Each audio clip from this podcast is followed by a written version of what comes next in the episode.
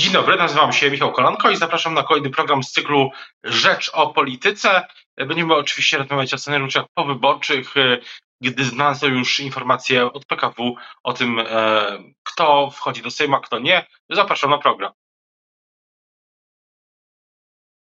Dzień dobry Państwa i moim gościem dzisiaj Marek Kacprzak, rzecznik Nowej Lewicy. Dzień dobry. Dzień dobry, witam serdecznie. Jak pan sobie wyobraża dzisiaj kluczowe kroki, jeśli chodzi o to, co właśnie e, po, po wyborach, e, co, e, co będzie robić demokratyczna opozycja, jeszcze opozycja? Demokratyczna opozycja na pewno w tej chwili będzie rozmawiać i tworzyć plan, jak zrealizować z jednej strony programy wyborcze, z którymi szła do wyborów, bo frekwencja pokazała, że wiele Polaków, wiele Polek uwierzyły w te programy i będzie na pewno oczekiwać ich realizacji. To jest z jednej strony.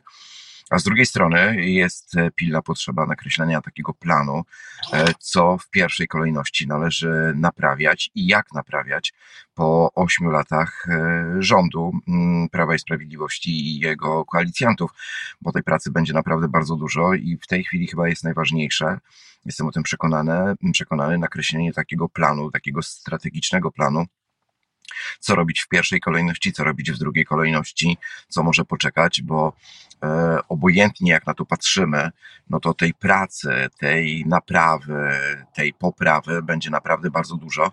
No i tu jest potrzebna taka bardzo krótka i szybka refleksja, bo ważne, żeby ona była skuteczna, e, od czego po prostu zacząć, bo, bo, bo, bo wiadomo, że wszystkiego naraz się nie zrobi, ale te oczekiwania będą ogromne, bo są ogromne, zaufanie jest ogromne, no i trzeba nad tym zacząć już bardzo mocno i szybko pracować, bez względu na to, kiedy będą te kroki zrealizowane przez prezydenta, czyli de facto kiedy no zostanie nowy rząd. Jedna rzecz, bo prezydent, te sygnały, które mamy nieoficjalnie też e, w Rzeczpospolitej pokazują, że prezydent będzie wylekał z zwołaniem nowego Sejmu, że te kroki konstytucyjne będą późno, co oznacza, że nowy rząd opozycji obecnej opozycji może powstać dopiero w grudniu, y, za kilka tygodni. Co, co pan na to?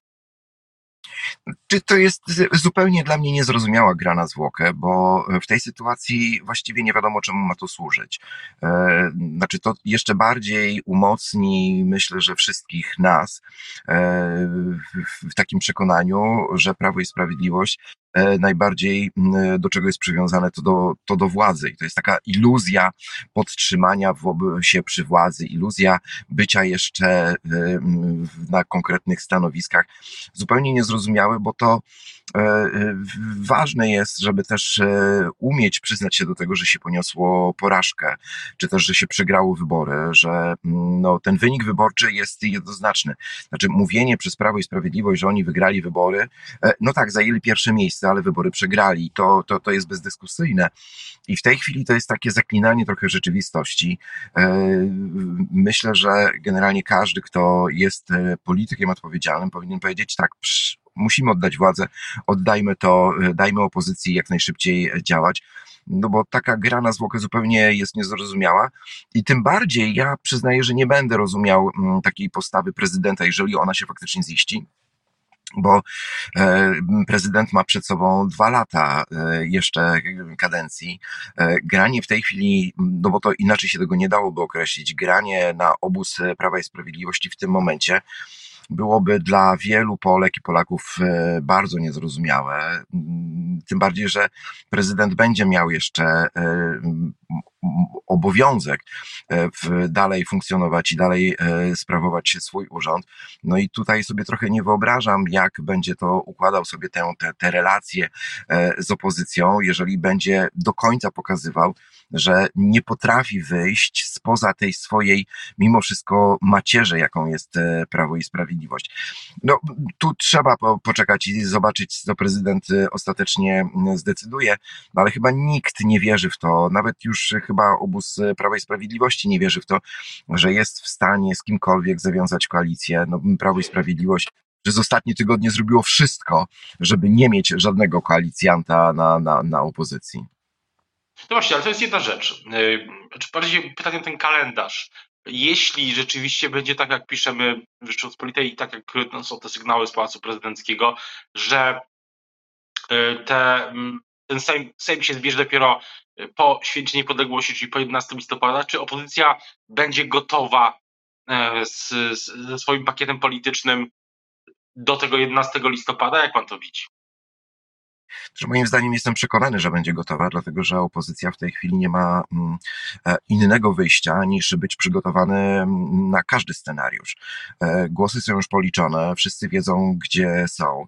E, jestem przekonany, że liderzy już zaczną się w tej chwili spotykać, zespoły negocjacyjne zaczną się spotykać, właśnie po to, żeby już mieć konkretny plan, żeby bez względu na to, czy prezydent zwoła Sejm na po 11 listopada, czy da w pierwszej kroku misję tworzenia rządu Prawu i Sprawiedliwości, czy da od razu opozycji, to opozycja musi być gotowa, bo myślę, że najtrudniejszą, czy też niezrozumiałą dla wszystkich wyborców byłaby taka sytuacja, gdyby na przykład, bo ja sobie jestem w stanie wyobrazić, a, a przecież znamy tę politykę już nie od dziś, że w tej chwili Prawo i Sprawiedliwość razem z Pałacem Prezydenckim będzie wypuszczać takie sygnały, że będzie taki scenariusz, inny scenariusz, a potem będzie próba zaskoczenia opozycji e, e, scenariuszem jeszcze innym, więc e, tutaj mm, zapowiedź chociażby wczorajsza Donalda Tuska, czy z moich rozmów, które prowadzę wewnątrz lewicy, jest jasne, opozycja musi być gotowa do przejęcia władzy najszybciej, jak to się da i lepiej mieć plan wcześniej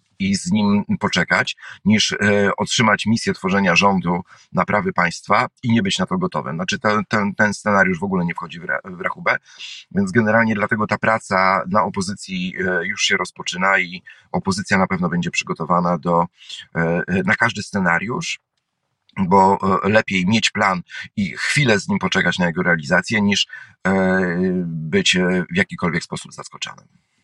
No bo jest, też tak, że dzisiaj jest takie, jest takie, można się tak spodziewać, że opozycja, albo inaczej, że Prawo i Sprawiedliwość przedstawi na, na premiera w tym pierwszym kroku konstytucyjnym. Ten czas będzie dla opozycji ważny przez, te, przez to, to może potrwać do grudnia tak naprawdę.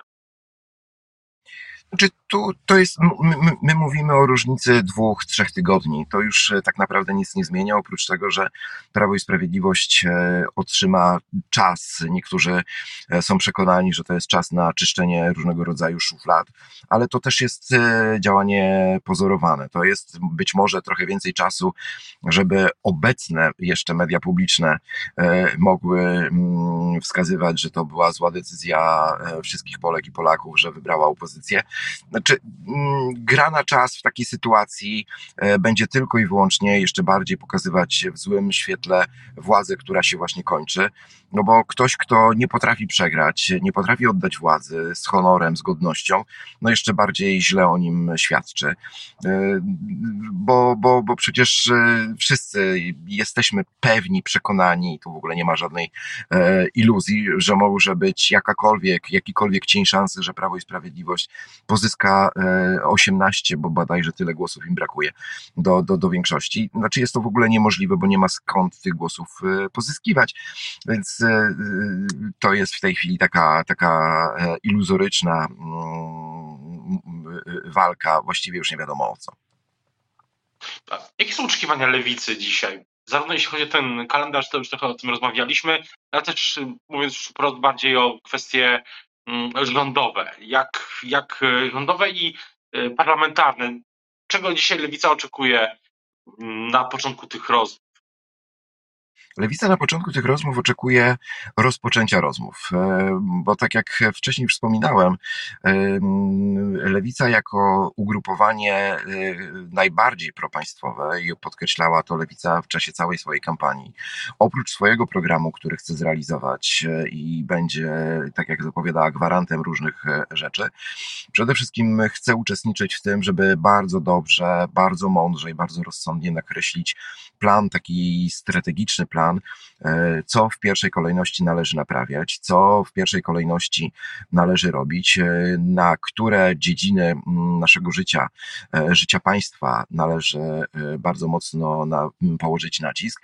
I dopiero z tego planu będą wychodzić kolejne rzeczy, kwestie kto, gdzie powinien się zaangażować w pracę, które resorty powinny być bardziej obsadzone ludźmi z lewicy, gdzie ludzie lewicy będą mieli największe swoje kompetencje, bo w tym momencie yy, najważniejsze jest to, i co do tego tutaj wszyscy w lewicy są przekonani, żeby jak najszybciej e, Polki i Polacy, którzy dali tak ogromny mandat władzy, poczuli, że to była dobra decyzja.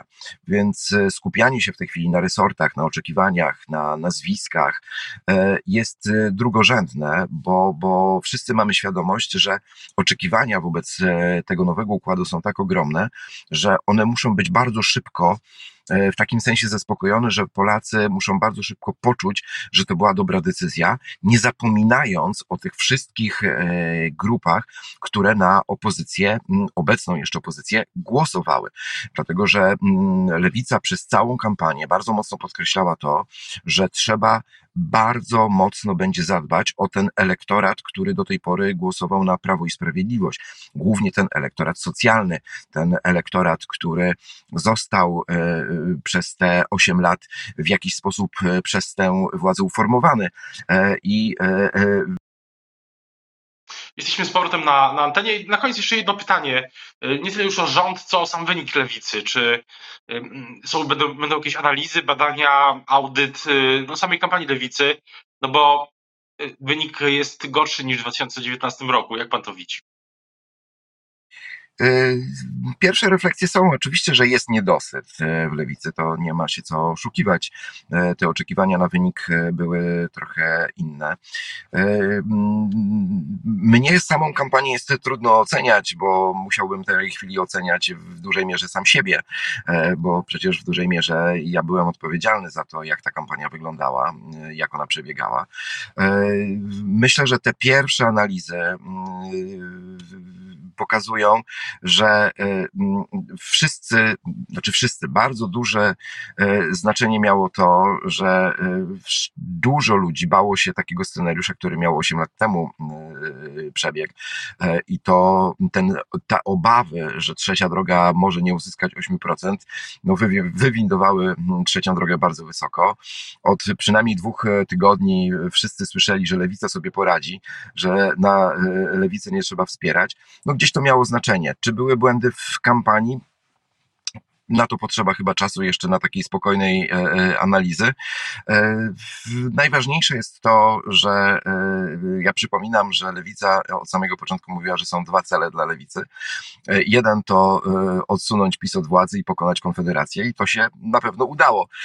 Lewica będzie współrządzić, to jeden z najważniejszych celów, jakie sobie mm, liderzy lewicy stawiali przed sobą.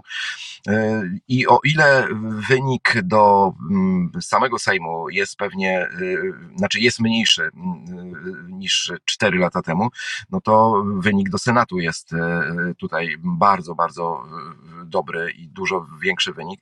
Więc generalnie na pewno trzeba będzie to sobie jeszcze poanalizować, zobaczyć, co można było zrobić lepiej, czy mm, można było jeszcze wyszarpać większy wynik, ale to na pewno trzeba zrobić na spokojnie i na to jeszcze przyjdzie czas. O tym też, e, o tym jak będzie wyglądała, będą wyglądały rozmowy opozycji i też oczywiście o, o tym, co po, co w wyborach będziemy oczywiście jeszcze wielokrotnie e, rozmawiać i w Rzeczpospolitej i na RPPL. E, teraz bardzo już dziękuję za rozmowę Państwa i moim gościem dzisiaj był Marek Kacprzak, rzecznik Nowej Lewicy. Dziękuję bardzo. Do usłyszenia, do zobaczenia. Dziękuję bardzo. Dzięki.